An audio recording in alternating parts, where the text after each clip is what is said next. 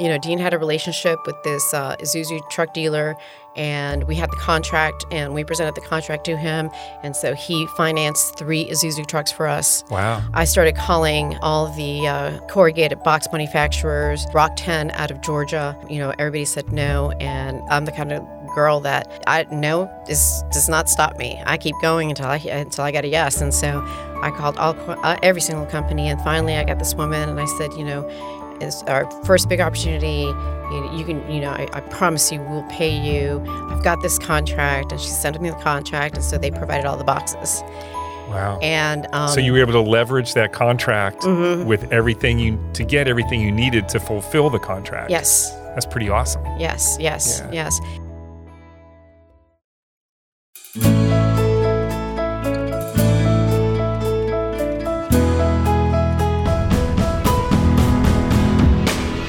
From Fiore Communications, it's How I Got Here, a show of inspiring stories from Tallahassee area leaders, business owners, and neighbors. All the challenges, opportunities, inspirations, the twists and turns of life that led them to where they are today. Everyone has a story worth telling, and I am really grateful that we get to bring a few of them to you. I truly have been changed by my conversations with these amazing people, and I'm confident you will be too. I'm Dave Fiore, and in this episode, I speak with Gloria Pugh, the president and CEO of Amwat Moving, Warehousing, and Storage. Gloria was born in New York City and spent time in Colombia as an infant before moving to Miami with her mother and siblings at age eight. It wasn't long before she became an entrepreneur, sewing Barbie clothes from leftover fabric and selling them to her friends for a few pennies. She would later work at Publix, but was let go because the bilingual popular cashier spent a bit too much time socializing with the customers, her main outlet for the adult responsibilities she faced at home. After high school, Gloria came to Tallahassee, worked multiple jobs, and was eventually dragged by coworkers to the infamous Club Park Avenue, where she would meet a young man named Dean Pugh. Dean declared his love that night, but after not getting a phone number, embarked on a search that eventually led to Gloria's apartment and her heart. They've been together ever since. The couple would later turn a pickup truck and a dream into a global relocation company that is changing their industry. Gloria talks about never taking no for an answer, the importance of giving back to the community, and her gratitude for the many people who helped along the way. We begin our conversation talking about the early years. So my family is from Colombia, South America. And uh, my mother was very young when she married my father, and they came to this country. So, New York City was where they landed. Uh, my father wanted to go to medical school. So, they came to the United States, uh, had my brother, and then they had me. After they had me, uh, it was a lot for them because they were so young. So, we returned to Colombia, and my father's sister was um, a nun. She has passed. We, my brother and myself, we lived at the nunnery and we were raised by nuns. And wow, I did not see that coming. yeah, and um, And how old were you at this point? we were. I was a baby. I was, Okay. I was a baby. I was Right. barely. I was. I was months old, like Okay. maybe four, five, six months old. When my brother um, turned four, they came back to get us because my brother was starting kindergarten. and They wanted him uh, and myself to kind of acclimate to the United States.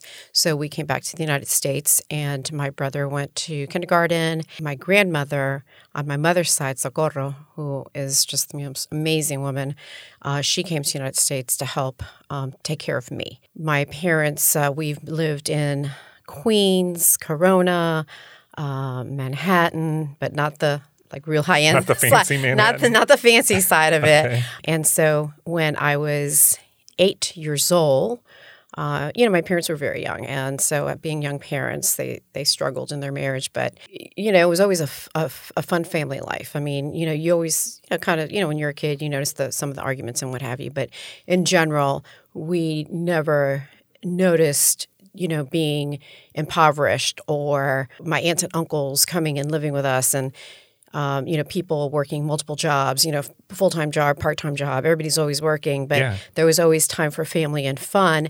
And we just thought that's how everybody lived. Right, because unlike today, where we compare ourselves to people we don't even know, Yeah. it's just it's what you knew. It's what everybody probably in your neighborhood was Yeah. similar, Yeah, right? yeah, yeah, yeah, exactly. And uh, but it was a really great um, experience for me. It's like I, I could not say, oh, it was horrible. It was a great experience. We loved it. My brother and I, and my and my sisters, my two youngest sisters, we all loved it. We were surrounded by family and friends, and and lots of love and and a lot of work. A lot of work. I mean, people were always constantly working, and that's what you did. And me, as the oldest daughter, oldest girl, um, I was, you know, at a very young age taking care of younger kids and, you know, prepping meals and and keeping a home, you know, keeping an apartment or a house uh, while the adults worked.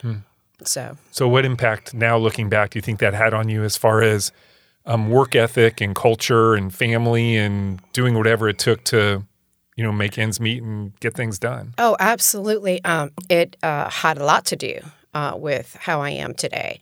Um, my family taught me, you know, hard work and, and, and family and, and being, you know, and loving people.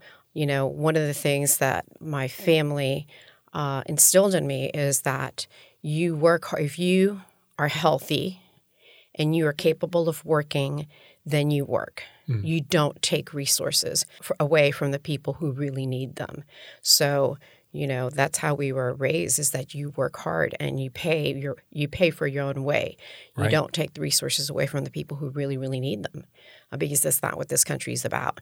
I've always um, believed in working hard and to me it's a source of pride Yeah. you know to to work hard and to and to show for it you know with success uh, with being able to you know um, create a business grow it employ people and not just employ people but be able to pay people living wages you know that we want to make sure that our employees are being paid very well so that they continue to you know that they, they, they it creates loyalty and it Yeah. creates a sense of of you know th these people are taking care of us and they they care about us and it and it, they they feel it Yeah. they see it they know it that didn't just happen because Dean and I were like eh you know maybe we'll work today you know maybe we won't Yeah. it it happened because we worked very hard Yeah. So it's you, your older brother, and two younger sisters. yes Okay. And you're living in in New York. Yep. And then at some point, the family picks up and moves to Miami, right? Yes. So that the way that happened was my mom uh, comes to me and says, "Hey, we're going to go visit your aunt in Miami. We're And going." how old are you at this point? So I'm I'm about eight years old. Okay. And she's like, "Hey, we're going to go." Going to go visit. We're going air to go quotes. visit. Yeah, Okay. we're going to go on vacation in Miami. So we're still on that vacation. it was a long vacation. It was a long vacation. so she didn't. She didn't think she you would like the idea of moving. no, So you packed up. Were you suspicious when you packed up all no, your stuff? No, no, no, because we didn't. Uh, because we basically we packed our clothes, and you know the apartment um, was, um, you know, we left. You didn't the, own a lot.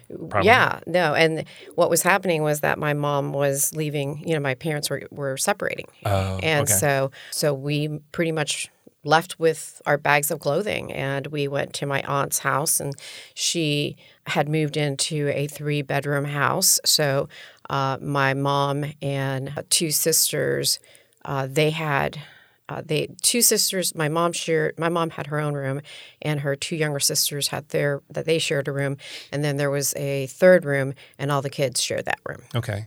So what is life like for you now? So you're middle schoolish, a or junior high, Mm-hmm. that- whatever it was called, uh, and high school in in Miami. That's a whole different environment. Mm-hmm. what? How did? What was life like for you there? How did you do? Did you enjoy school? What was high school like? What was Gloria as a as a teenager? i still had the responsibility of taking care of my sisters Okay. uh, because my mother, uh, she did remarry. I was still in charge of um, of my sisters. I So you couldn't be a no, no, I just uh, a you know fun loving teenager with nothing to worry about but yourself and no, no. I I have stuff. basically been an adult all my life. yeah. yeah. Um, so yeah, no, my sisters and my and Was my, that hard? No, because I didn't know any different. And I have a very, very tight relationship with both my sisters. They are my best friends and my brother. You know, reflecting back on on all the time that I spent with them, I would not trade it for anything. And my sisters consider me their mom Right. you know, and they they they rely on me and and um, they trust me and they're very loyal to me. Uh, it's kind of like my mom, the relationship she had with her sisters. You know, she took care of them. Right. And so I learned it from my mom.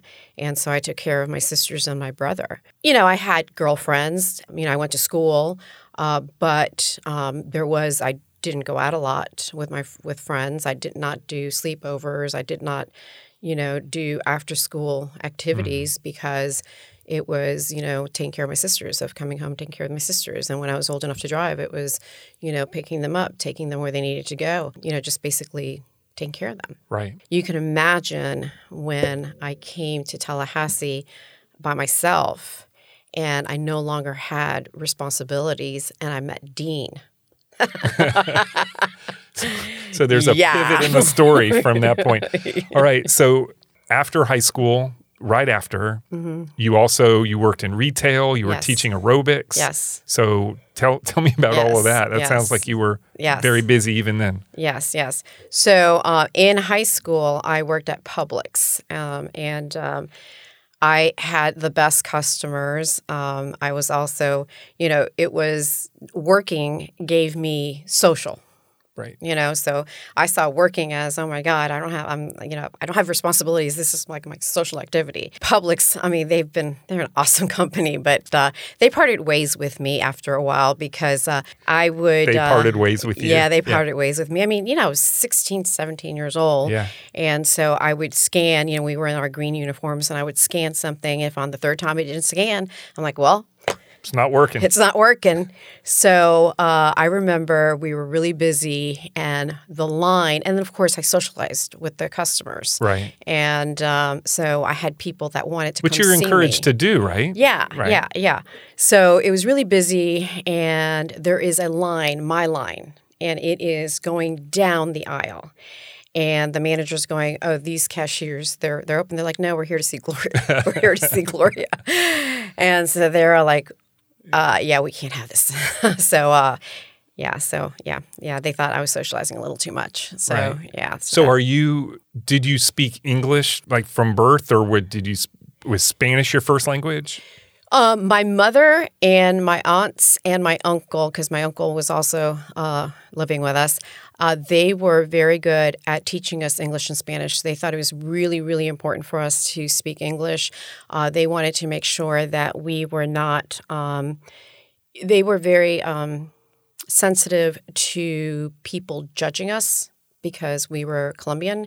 Um, and they did not want for us to uh, go out into the playground and not be able to speak English and then be targeted. We spoke English and Spanish in the household, Right. and you know it's it's it's interesting how a child can they know the difference of okay now I'm switching to English now I'm switching to Spanish, uh, so uh, and I I'm I'm really um, grateful that that they that they did that. Yeah. So yeah, But your your everyday life, like working at Publix, you were speaking English primarily. English and Spanish because Because in Miami, it's a mix. Yeah. Yeah, you know, Yeah. One- yeah, you know, one It's a huge asset yeah, for yeah. survival, right? Yeah, yeah. One person's oh, ¿cómo está Gloria? And the other one's like, hey, Gloria, what's up? Was there a stigma to being Colombian at that time down in South Florida? Yes, yes. Uh, in South Florida and New York, because we would go back and forth. Yes, there was a stigma uh, because you had a lot of the the whole cocaine cowboy kind of thing. But Right. that was the, the the interesting part that it was the Cuban population that was more into it, into where in in the Miami because they were distributing while the Colombians were the ones who were flying and dropping into Right. into the waters or But the Cubans were the most actively involved in bringing drugs into our country because they were bringing them from Colombia. from right? Colombia. Yeah. Right. Yeah. The first time that uh, Dean came to meet my family, um, and you know, at this point, you know, my family has because of their hard work, they you know climbed up the so the, the socioeconomic stat you know status, so Yeah. they had more resources, more means, and what have you. Um, so the first time that we went to visit my family, you know, to, for them to meet Dean, we were driving into our neighborhood, and the house across the street, the cops were there. There were, you know, the, the uh, all of the the tape and just it, it was just uh, uh, you know Dean never, had never seen anything like that. He's like, "Oh my god, what's going on?" I was like, "Oh, they probably did a shooting or something." And and he's like, "What?" And he's like, "Yeah, yeah, it's normal. Don't worry about it. It's not a big deal, you know, what have you." And you know, when we were in school, uh, we went to a private school. You know, my sister on her way to school, she was riding the bus, and they stopped the bus, and uh, these people, you know, came on the bus and took one of the kids, and we never saw the kid again. So it was not it was not uncommon for fellow classmates to uh, their families to be in the crosshairs of the drug wars. Um, I had a friend, um, and I still remember him, and I remember wor- him wearing a fur coat. And you know, Miami, it's like sixty, and everybody's got their fur coats out, right? So um, his family, he came home from school, and his mom and dad were uh, hanging from the um, you know the, the second floor so it it, it was um, you know the kids who were 80s and 90s in miami uh, you it was you know somehow or another you were exposed to it because of the other kids that you were associating with Right. so Wow. yeah coming to tallahassee was a was like wow Yeah. Well, let's talk about that. How did how did you end up in Tallahassee? What made you move up here?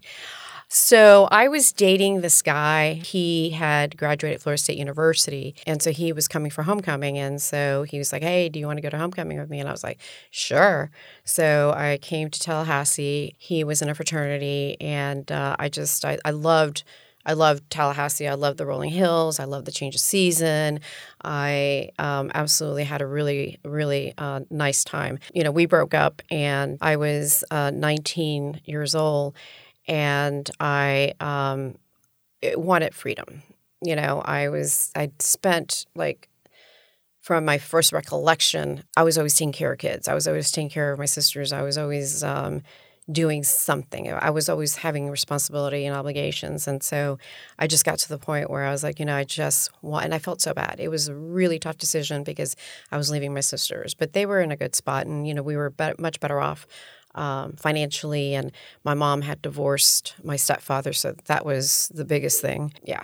And so I felt that, okay, you know, it's, this is a good time for me to be able to Right. do something different break away a little bit. break away. Right. And so I was like, well, you know, I need a job when I get to Tallahassee. So I got a job at the Limited because I knew that they had a limited uh, store here in Tallahassee at the Governor Square Mall at that time. And so I got a job at the Limited and I became like the best employee they ever had. And so then I asked, you know, if a transfer was available.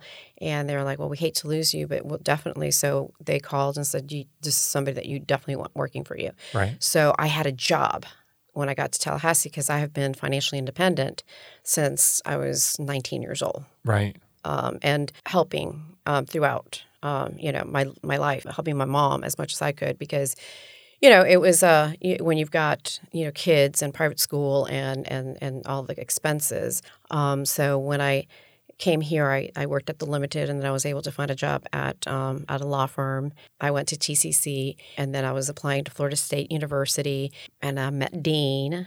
And I needed to work because you know I needed to pay for my car, for my insurance, for my apartment, and what have you. I decided one day that I didn't like uh, working at the limited. Um, and like it's just teaching aerobics, working at the limited, working at the law firm was just so much, and so Well, yeah. That, that's a lot.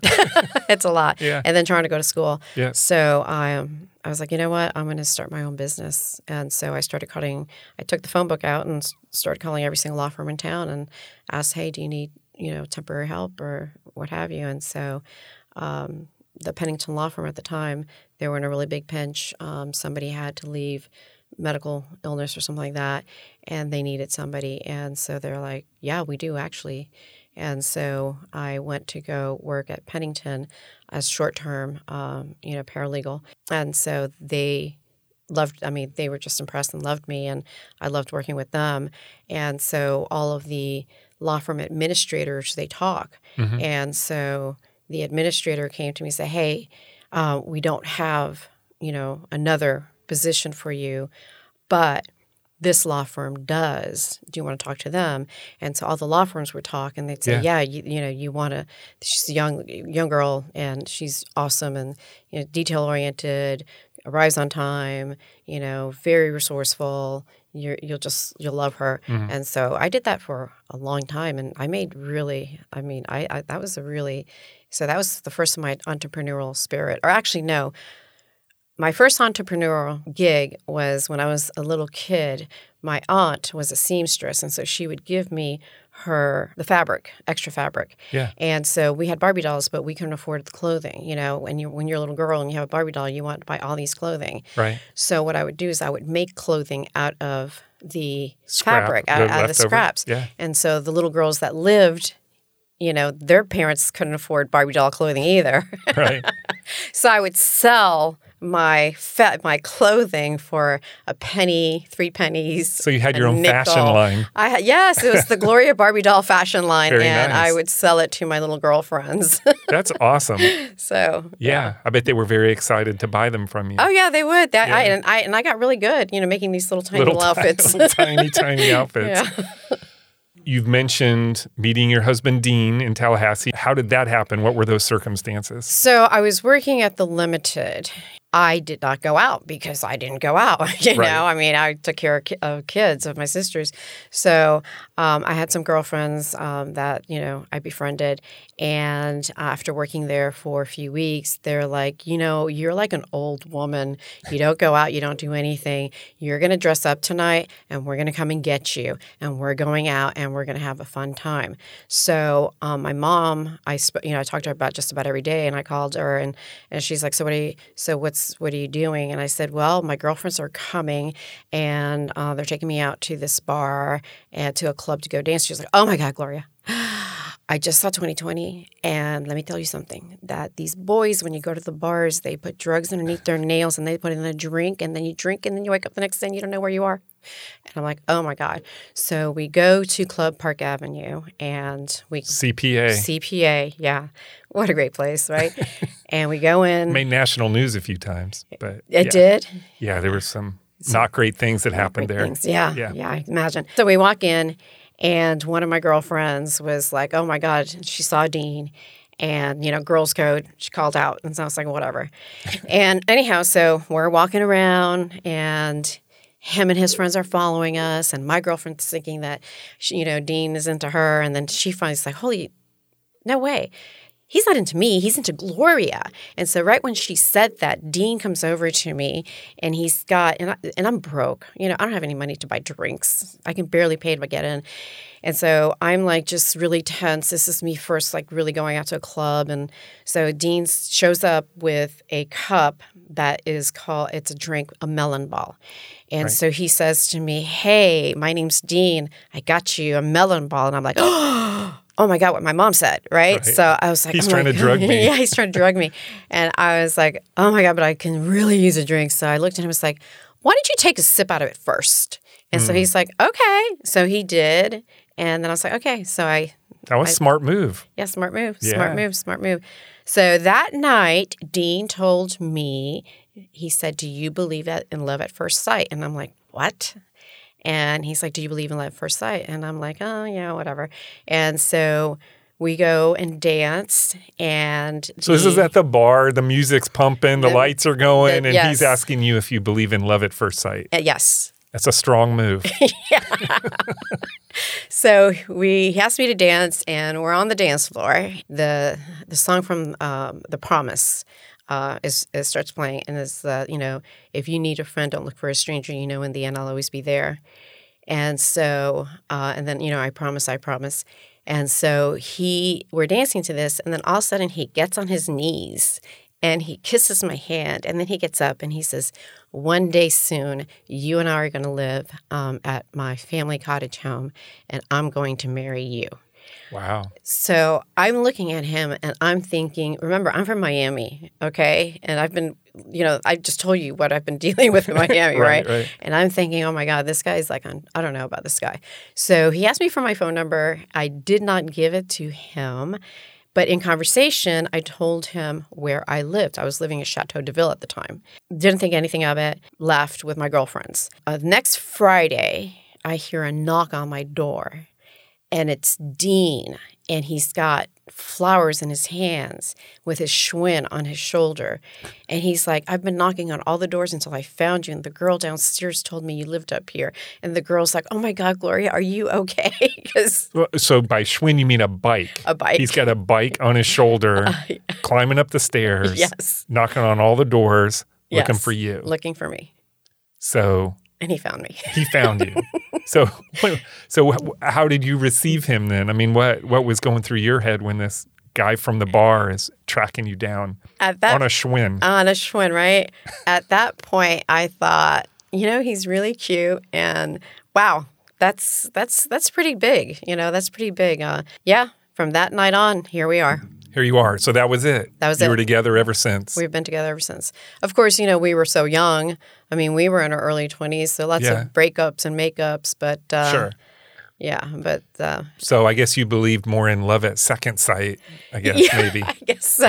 I guess That's so. a pretty awesome story. Thank you. Yeah, it's pretty cool. Dean's a pretty cool guy. Yeah. So where do you go from there in your relationship? And I know uh, eventually you end up starting a business together, Yes. right? So is there some time period in between? Are you just? I mean, I don't know when you get married or how. What's that timeline? How does all that work? So when Dean and I met, we were, uh, you know, we were very young. We were early 20s. Uh, Dean was 19, I was 20. And recall that I did not experience a lot of the youth fun, you know, Right. partying and having a good time. So imagine, you know, um, we're going to the clubs and partying and having a good time. Right. So that was, you know, You're making up for lost time. making up for lost time. So yeah, I became party queen uh, in my mid twenties. I was like, ah, I don't think this is uh, the lifestyle for for me. So that's when we started really kind of you know changing our ways and becoming a little bit more you know not so crazy. Dean. Um, had a pickup truck. You know, when you were in your 20s and going to school and you have a pickup truck, everybody's moving. You know, Yeah. think about how many times you moved in your 20s. And so if you had a pickup truck, your friends were always asking you to help move. And I've heard there are two kinds of people in the world. Yes, sir. People with a truck Uh-huh. and people who want to borrow one. Yep, yep, and that's pretty much how it started. Yep. And so um, uh, I told Dean, I said, you know, maybe this is an opportunity. Um, we can start a you know you can start a moving company. And he's like, well, what should we call it? And I said, a man with a truck, because that you know my friends call and say, hey, can I borrow your man with a truck? And so a man with a truck was born. Dean. Uh, Dean and I started it. Dean was working on it full time. I was busy working um, with uh, my job, and when I was uh, working as a paralegal, Fowler White had hired me to work with one of their partners. He uh, was so impressed with me that Fowler White made me an offer to stay with them, and it was such a good offer that I stayed. Okay. Uh, and we needed that steady income because we started a business. Yeah. So Dean did that for a while, and then in 2005, in between that, I went to the Attorney General's office to work as a white collar crime investigator, working a lot, working a lot because this was when OxyContin really became a big thing. Yeah. Pill mills and all that stuff. Mm-hmm. Yeah. So that was, and it just didn't stop. And Yeah. The number of investigators in comparison to the criminal activity is just enormous. And so was working with the Attorney General's office and um, and uh, we decided, Dean and I decided that, you know what, uh, perhaps it's time for um, for me to, to to come to a man with a truck on, on a full time basis. And so that's what I did in 2005. And the calibra- the collaboration between Dean and I was just amazing um, because now he had me full time Right. You know, and he was able to do, you know, he's a really great with sales. He's really great with um, operations and, and managing employees. And I'm very good in uh, with uh, marketing and uh, business planning and, you know, strategic planning and, you know, uh, projecting and all the things, the, the infrastructure, Yeah. you know, So it sounds like a perfect match. it's a perfect match. What happened to the business once you came on board full time? What what direction did it take after that? I wanted to have a global relocation company. And um, so I told Dean that, and he's like, whatever you, I believe in you. And so that's what we became. We've become a global relocation company. So at that point, did he have multiple trucks or employees or anything? So no. So at that point, he had a truck and a half, and a truck and a half because that half truck it was on good days it would start, and on bad days it wouldn't. Um, and you know, and Dean, we're, we're in our twenties, you know, and he is on the truck as well. So Right. he it's not like he's an owner and he's just sitting back in the office and taking care of, you know, the He's picking up couches and Yeah. beds and moving stuff around. yeah, and booking work while he's on a job and, and what have you. He, uh, when I came onto the company, it gave the company the benefit of somebody who was at the office and that was thinking about, okay, we need to have a solid foundation for this company and we need to have a you know short and long term goals i you know uh, research, you know, having my investigative and paralegal uh, background, I did a lot of research. And so I researched successful moving companies uh, around the country, and Sudduth uh, was one of them. Um, and and actually, we have a really great relationship with Sudduth So they were they were a good model for you as They you were- starting out. as I, as I was, Okay. as we were starting out. Nice. And so I would I I reviewed their website, I looked at everything, and so I I tried to model the company as much as I could, like Sudduth. yeah. Um, and then on top of that, the Tallahassee Democrat, there was an article about Nolia Brandt and Yeah. the Jim Moran Institute. And so I'm, you know, uh, laying on the couch reading the Sunday paper, and I'm reading about Nolia Brandt and how she came on to her husband had this technology company, and she came in, and they started working together, and it grew up, and it's this big business, and she is a mentor at the Jim Moran Institute, and if you want to be uh, mentored by the Jim Moran Institute, you have to have all this criteria. And we didn't meet all the criteria.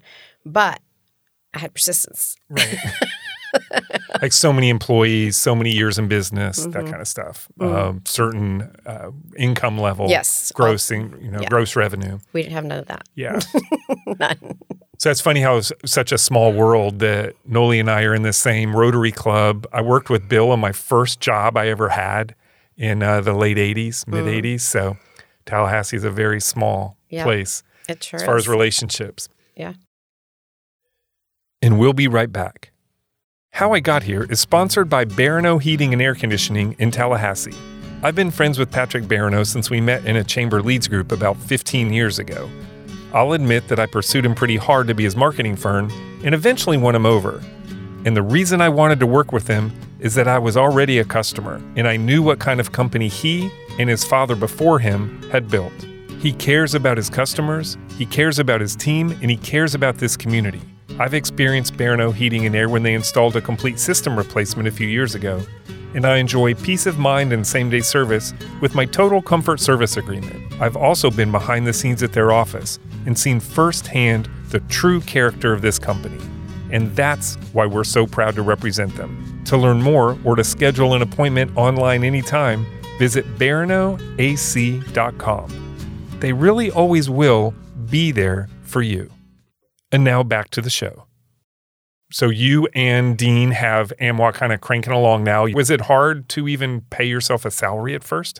I imagine that transition was a little bumpy, maybe. Yes, yes. So fast forward a few a few years, um, and all the advice that we received from Jim Moran Institute and Nolia Brandt. Uh, one of them was joining the chamber. Uh, Dean was so against it. Uh, he's like, "No, we did, we don't have the money," and all this other stuff.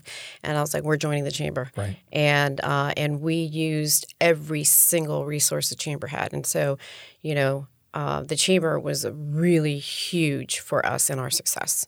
And, you know, if they had a learning event, I went to it. If they had a, uh, a networking event, I went to it. Every single event that they had that we could go to, we went to, so that we can network, we could, you know, meet people, we can learn.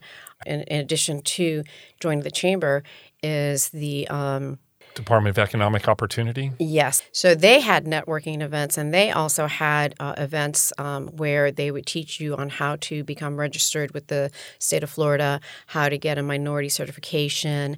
And so we became very involved with that. And so we, uh, the Department of Health had bid for, they moved the entire Department of Health, where Fort Knox, over to Southwood. And it, you know, we had the truck and a half. And so I was like, I don't care. And they needed boxes and all this other stuff. So we bid for it. And we went to the bid opening And this moving company that was from out of town, low bid, got it. And I called them. I said, listen, I know. I ran the numbers.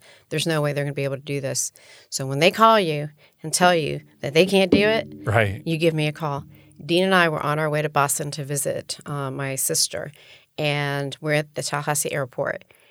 And we get, I, I can, I get like a little, because this was like the beginning Yeah. of it for us. Yeah. And so I get a phone call, and it's the Department of Health, and they're like, um, "Hey, you were right. They can't do it. they can't do it. Can you do it?" And you know, it was a really big. I mean, it was uh, the most money we've ever seen Yeah. earned. Uh, you know, it was like my paycheck for the year. You know. And so we're like, yes, we can do it. And so when we got back to Tallahassee, you know, Dean had a relationship with this uh, Isuzu truck dealer, and we had the contract, and we presented the contract to him. And so he financed three Isuzu trucks for us. Wow. I started calling all the uh, corrugated box manufacturers, RockTenn out of Georgia. You know, everybody said no. And I'm the kind of girl that I no is does not stop me. I keep going until I until I get a yes. And so I called all uh, every single company, and finally I got this woman, and I said, you know, it's our first big opportunity. You, you can, you know, I, I promise you, we'll pay you. I've got this contract, and she sent me the contract, and so they provided all the boxes. Wow. And um, so you were able to leverage that contract Mm-hmm. with everything you to get everything you needed to fulfill the contract. yes, That's pretty awesome. Yes, yes, Yeah. yes. And um, and this was during the holidays. This was during Thanksgiving that we were moving to Department of Health. Uh, we had all the guys there. I I mean, we maxed out our credit cards. You know, getting fuel. Uh, I made lunch for everybody. If I could move it, if I could roll it, if I could lift it, get out of my way because I was helping. It was the Thanksgiving, and the ladies at the Department of Health were so impressed with us. And we're all young. I mean, we're in our twenties, and we're this owners of this moving company, Right. and do this big job, and we're all doing be it super professional. And so they made Thanksgiving for us, and then when we were done with the move, they they like they clapped. They just like Really? it was yeah, it was pretty cool. So that was the beginning of work for the state of Florida because then the Department of Health told all the other state agencies about this amazing experience they had with us, and so yeah, And you're in the vendor system, Mm-hmm. easier to access. You're starting to see jobs you can quote on and all that stuff yeah, you yeah. can bid on. Yeah. Yeah, yeah. So we still doing, we still work with the state of Florida, and we're very, we're very appreciative to the Jim Moran Institute, to Small Business Development Center, to the state of Florida, um, and to the Chamber of Commerce. All those entities were huge in our success. That's awesome. At some point, a man with a truck becomes Amwat, Mm-hmm. right? So, how what brought about that name change? Ron Sachs, he said to me, Gloria, you know what? A man with a truck is selling you short because a man with a truck, I mean, you know, you can move a refrigerator, could you, but could you move Tallahassee Memorial Hospital? And I was like, you know what? You're right. We can't. That's not a good name for us. So I was, this is when texting started becoming big. And so a friend of mine said, hey, where are you at? And I was like, I did not want to spell a man with a truck. So I put A M W A T. I'm like, boom, health to the yes. That's it. That's it. That's it. So, texting got you your name. yeah, texting That's guys. awesome. Well, it makes sense. yeah, yeah. In fact, uh, speaking of the chamber, when I was doing my research, I um, found a company because you know we were in this little bitty, like we were like literally in a broom closet. Um, there was a company, Auto Air, uh, Danny Coates. it- he had had uh, rented a part of his office to us. It was super small, but it was gated, and so we could keep our truck and a half in there. So I was uh, researching companies and and you know best reputation companies or companies that have been in Tallahassee forever. And so Gabriel's Larry Fabiano, I Right. love him, love him. Yeah. Um, I was like, Dean, that's that we need to buy that. That's what we need to acquire. And so I was at a chamber event, and I'm Latina talking with my hands, and I accidentally slapped somebody in the back. And I turn around, and it's Larry Fabiano. And I'm like, oh my God, I've been dying to meet you. So we started having lunch uh, on a regular basis, and he became a mentor to us. And then one day at lunch, I said, hey, we want to buy your company. He's like, oh my God, I was so looking forward to the day you would say that to me. Wow. And so he was really, he was really big on on, on our success as well. So, a big chunk of your business and the growth came from acquiring another company. Acquiring, yeah, Right. acquiring Gabriel's. So he said yes. So now we needed to find funding. Yeah. Yeah. And so we're this little man with a truck, less than $250,000 sales. We're in our early 30s at this point. And so we went to every single bank and it was no, no, we need this, we need that. I was like, well, I don't have it. How can I give you something I don't have? You know, I've had these state jobs. We're increasing our revenue. We're doing this, we're doing that. And I didn't graduate, you know, uh, university. I didn't have, you know, like business experience or anything. I, everything was, I was learning on the go. Yeah. I was, you know, picking up Harvard business reviews, learning from whatever whatever, you know, whatever resource I could learn from. That's what I was doing. And so anyhow, so I kept asking, and asking, and asking, and asking, and and finally I went to to ProBank. It was a, you know fairly new bank, and went and had lunch. Uh, asked the gentleman at the time that was the the manager asked to have lunch with him, and I had all my stuff and everything, and and uh, he said, you know what. I'm gonna take a, I'm gonna take a chance. Hmm. I'm gonna take a chance on you and he approved the loan. And I was like, "Oh my god!" And so he's like, well, "Let's not buy the property yet. Let's let's go ahead and buy the assets, and you can you know rent from Larry. And uh, once we see how you do, then we can talk about buying. Go back property. and get it. Yeah, yeah. Which is pretty typical, right? In the mm-hmm. purchase of a business, that you can break up yeah. the pieces so it makes it more manageable. Yeah, yeah, yeah. So so obviously he was glad he gave you that loan. Yep. That worked out. That worked out. Yeah. And then we uh, purchased the property, uh, and and so that was great. We have you know we've been very fortunate uh, in, in, growing the business. Um, uh, relocations. Um, you know, we're global. Um, yeah, well, tell us about Amwat today. What what what all? This is your little elevator pitch. What what all what all do you provide? Okay, so uh, let's just uh, let's just talk about the projects that we're working on right now. So okay. I've got a shipment going to Austria. Just received one from Japan.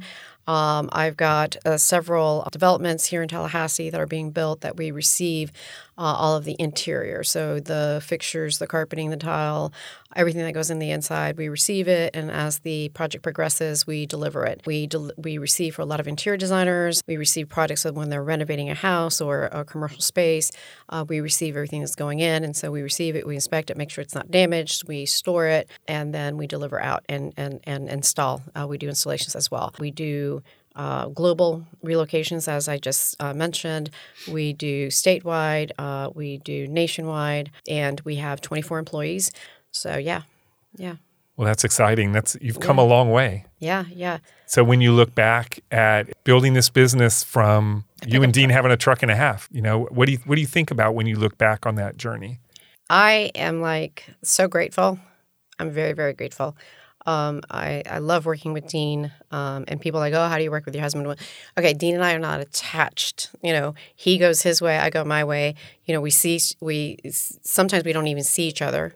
You know, because we're so busy with right. um, during the workday. During the workday, yeah. yeah. we work really well together. And when I think about uh, the journey of how we got here, the reality is, is is that so many people propped us to get here. So many people, so many people. Roger Gunter Vaughn, I mean, we were so young and, and, and such a young company, and they helped us so, in so many ways to keep that insurance going. You right. know, I mean, they. That's a huge piece of the puzzle for your industry. Huge piece right? of the puzzle. There was uh, a Miss Cooksey at the at the city of Tallahassee. She's passed, and loved her so much, and we would go see her before the utilities were cut off, and she would give us extensions. Hmm. I mean, we there there have been so many people that propped us. And what i learned for every business especially a small business when you are struggling financially you need to make that phone call before they call you you know? And when you're doing a job for somebody you're spending that money before you get paid because your employees get paid utilities get paid mortgage rent whatever insurance yeah. all that's got got to get paid. I i'm very grateful for all of the people that supported us and propped us and, and helped us out. Yeah and awesome. and we try and we and we in turn try to do, you know, good um, and and and return the favor. Right. Yeah. All right. We don't have time to list all the leadership positions and accolades you've won, but maybe the most significant is that you're the current president of the Professional Movers Association of Florida. Yes. The first woman to yes. ever hold that position. Yes. What does that mean to you? Um, it's it's a great. Uh, it, uh, it's so there was a plan behind it the state of Florida regulates the moving industry, uh, but now in the moving industry we have this new breed, and it's called moving brokers. And I don't, um, I don't, I don't care for moving brokers. I don't think that there's a necessity for moving brokers in the moving industry. And so the statutes of the state of Florida do not really address the moving brokers because at the time that the statute was developed, there was no moving brokers. What's a moving broker? A moving broker is somebody who uh, who who most of them now there are some reputable ones and there um, you know uh, there are some reputable ones but uh, the majority of moving brokers what they do is they have these uh, very fancy websites and they they pretend to be movers. And so they give a person an estimate and basically what they're doing is they're brokering a move. Okay. so they give them an estimate. The person thinks that they're hiring that that, that move broker is the mover. And so they pay them the estimate. Then what that move broker does is that it tries to sell it to a moving company. Right. And more often than not, they have a stable of moving companies that are just as crooked as they are, just as dishonest as they are, that will purchase those, uh, that will take that move and then go on moving day and jack up the price. And so this is happening throughout the country. It's happening in the state of Florida. So um, I, I know somebody that happened to, and they wanted like triple what the estimate was, but I had Yeah. no idea.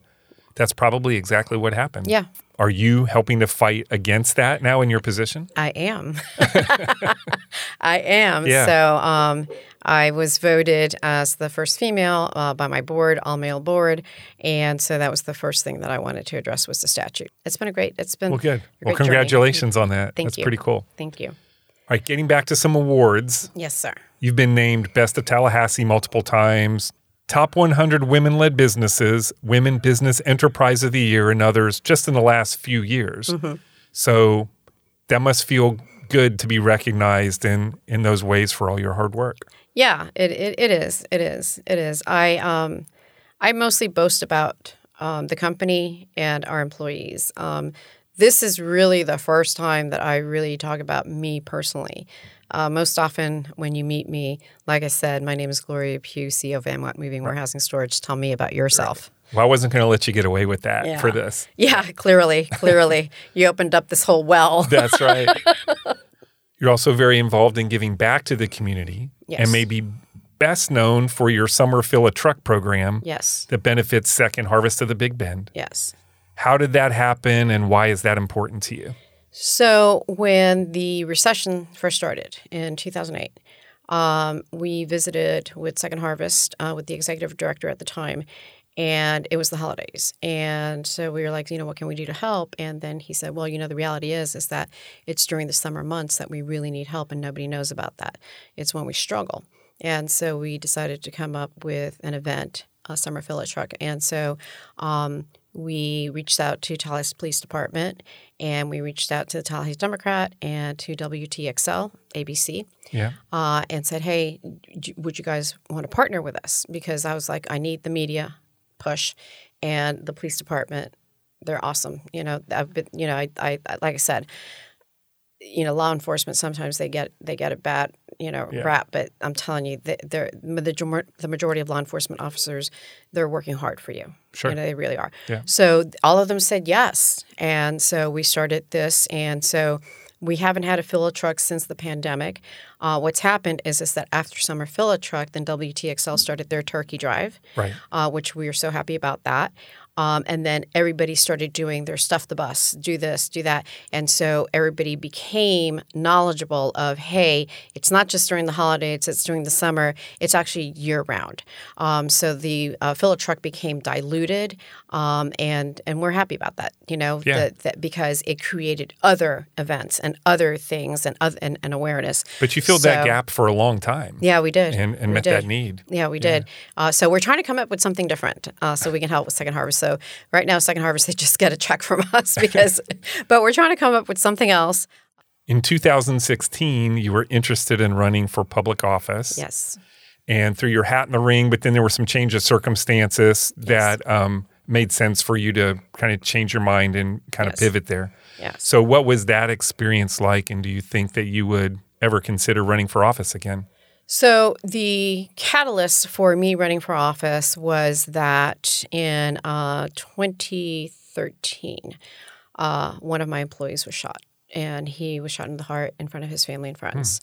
Um, I he a very good young man, uh, not a statistic, not you know uh, the statistics for people who are, are, are who are involved in shootings or people who are uh, involved in the lifestyle of you know drugs, gangs, and what have you, and people who who hang out.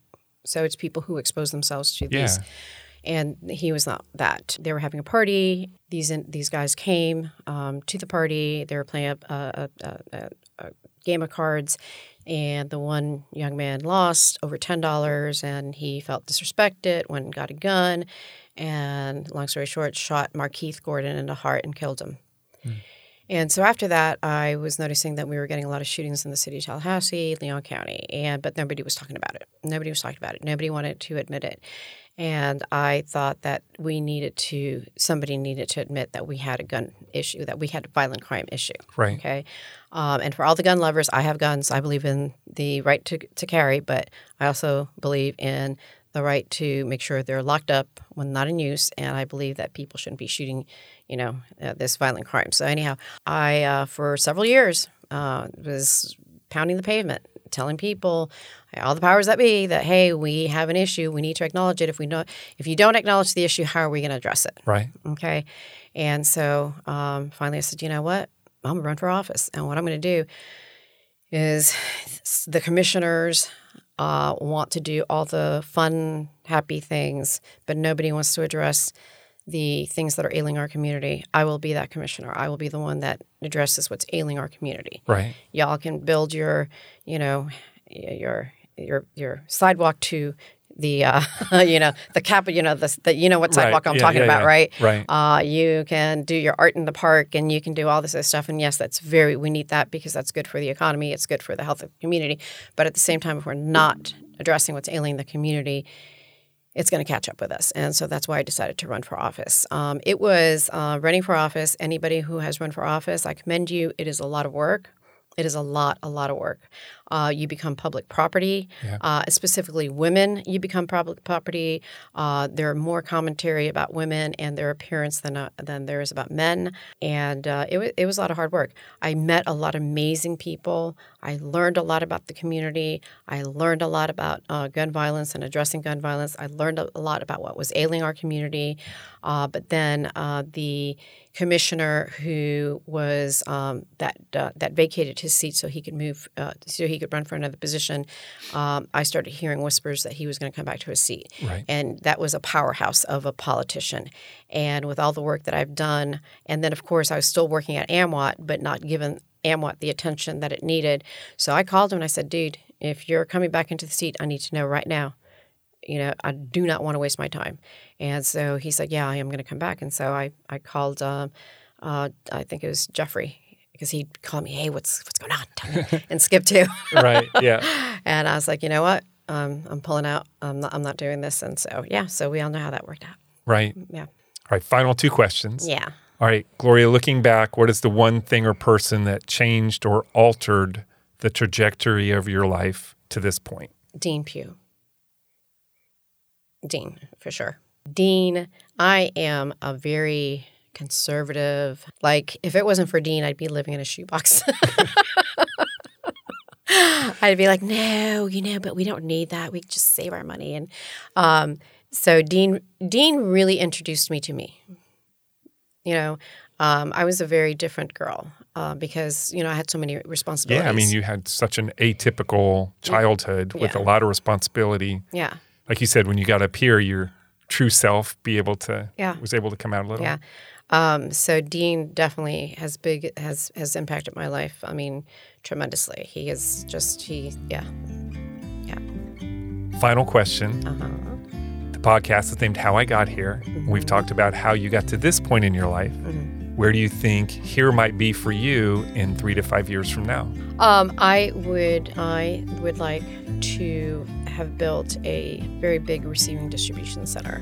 Um, I would like to grow the company. I am a worker, so I don't see myself retiring anytime soon. I'm not in retirement age, so I have a great management team. So, you know, I can, you know, Dean and I take time off. I mean, it's not like we are, you know 24 7 so we are very very fortunate um, we've got great employees i would like to be able to travel more um, and to be able to continue providing financially you know uh, good paying jobs to our employees i would like to continue um, on the making ourselves better you know? It, it's i don't compete with my competitors. I compete with myself. I compete with what what are we doing and how can we do this better. Just becoming a better person. I would love to be uh, very financially successful so that I can give back more to our community.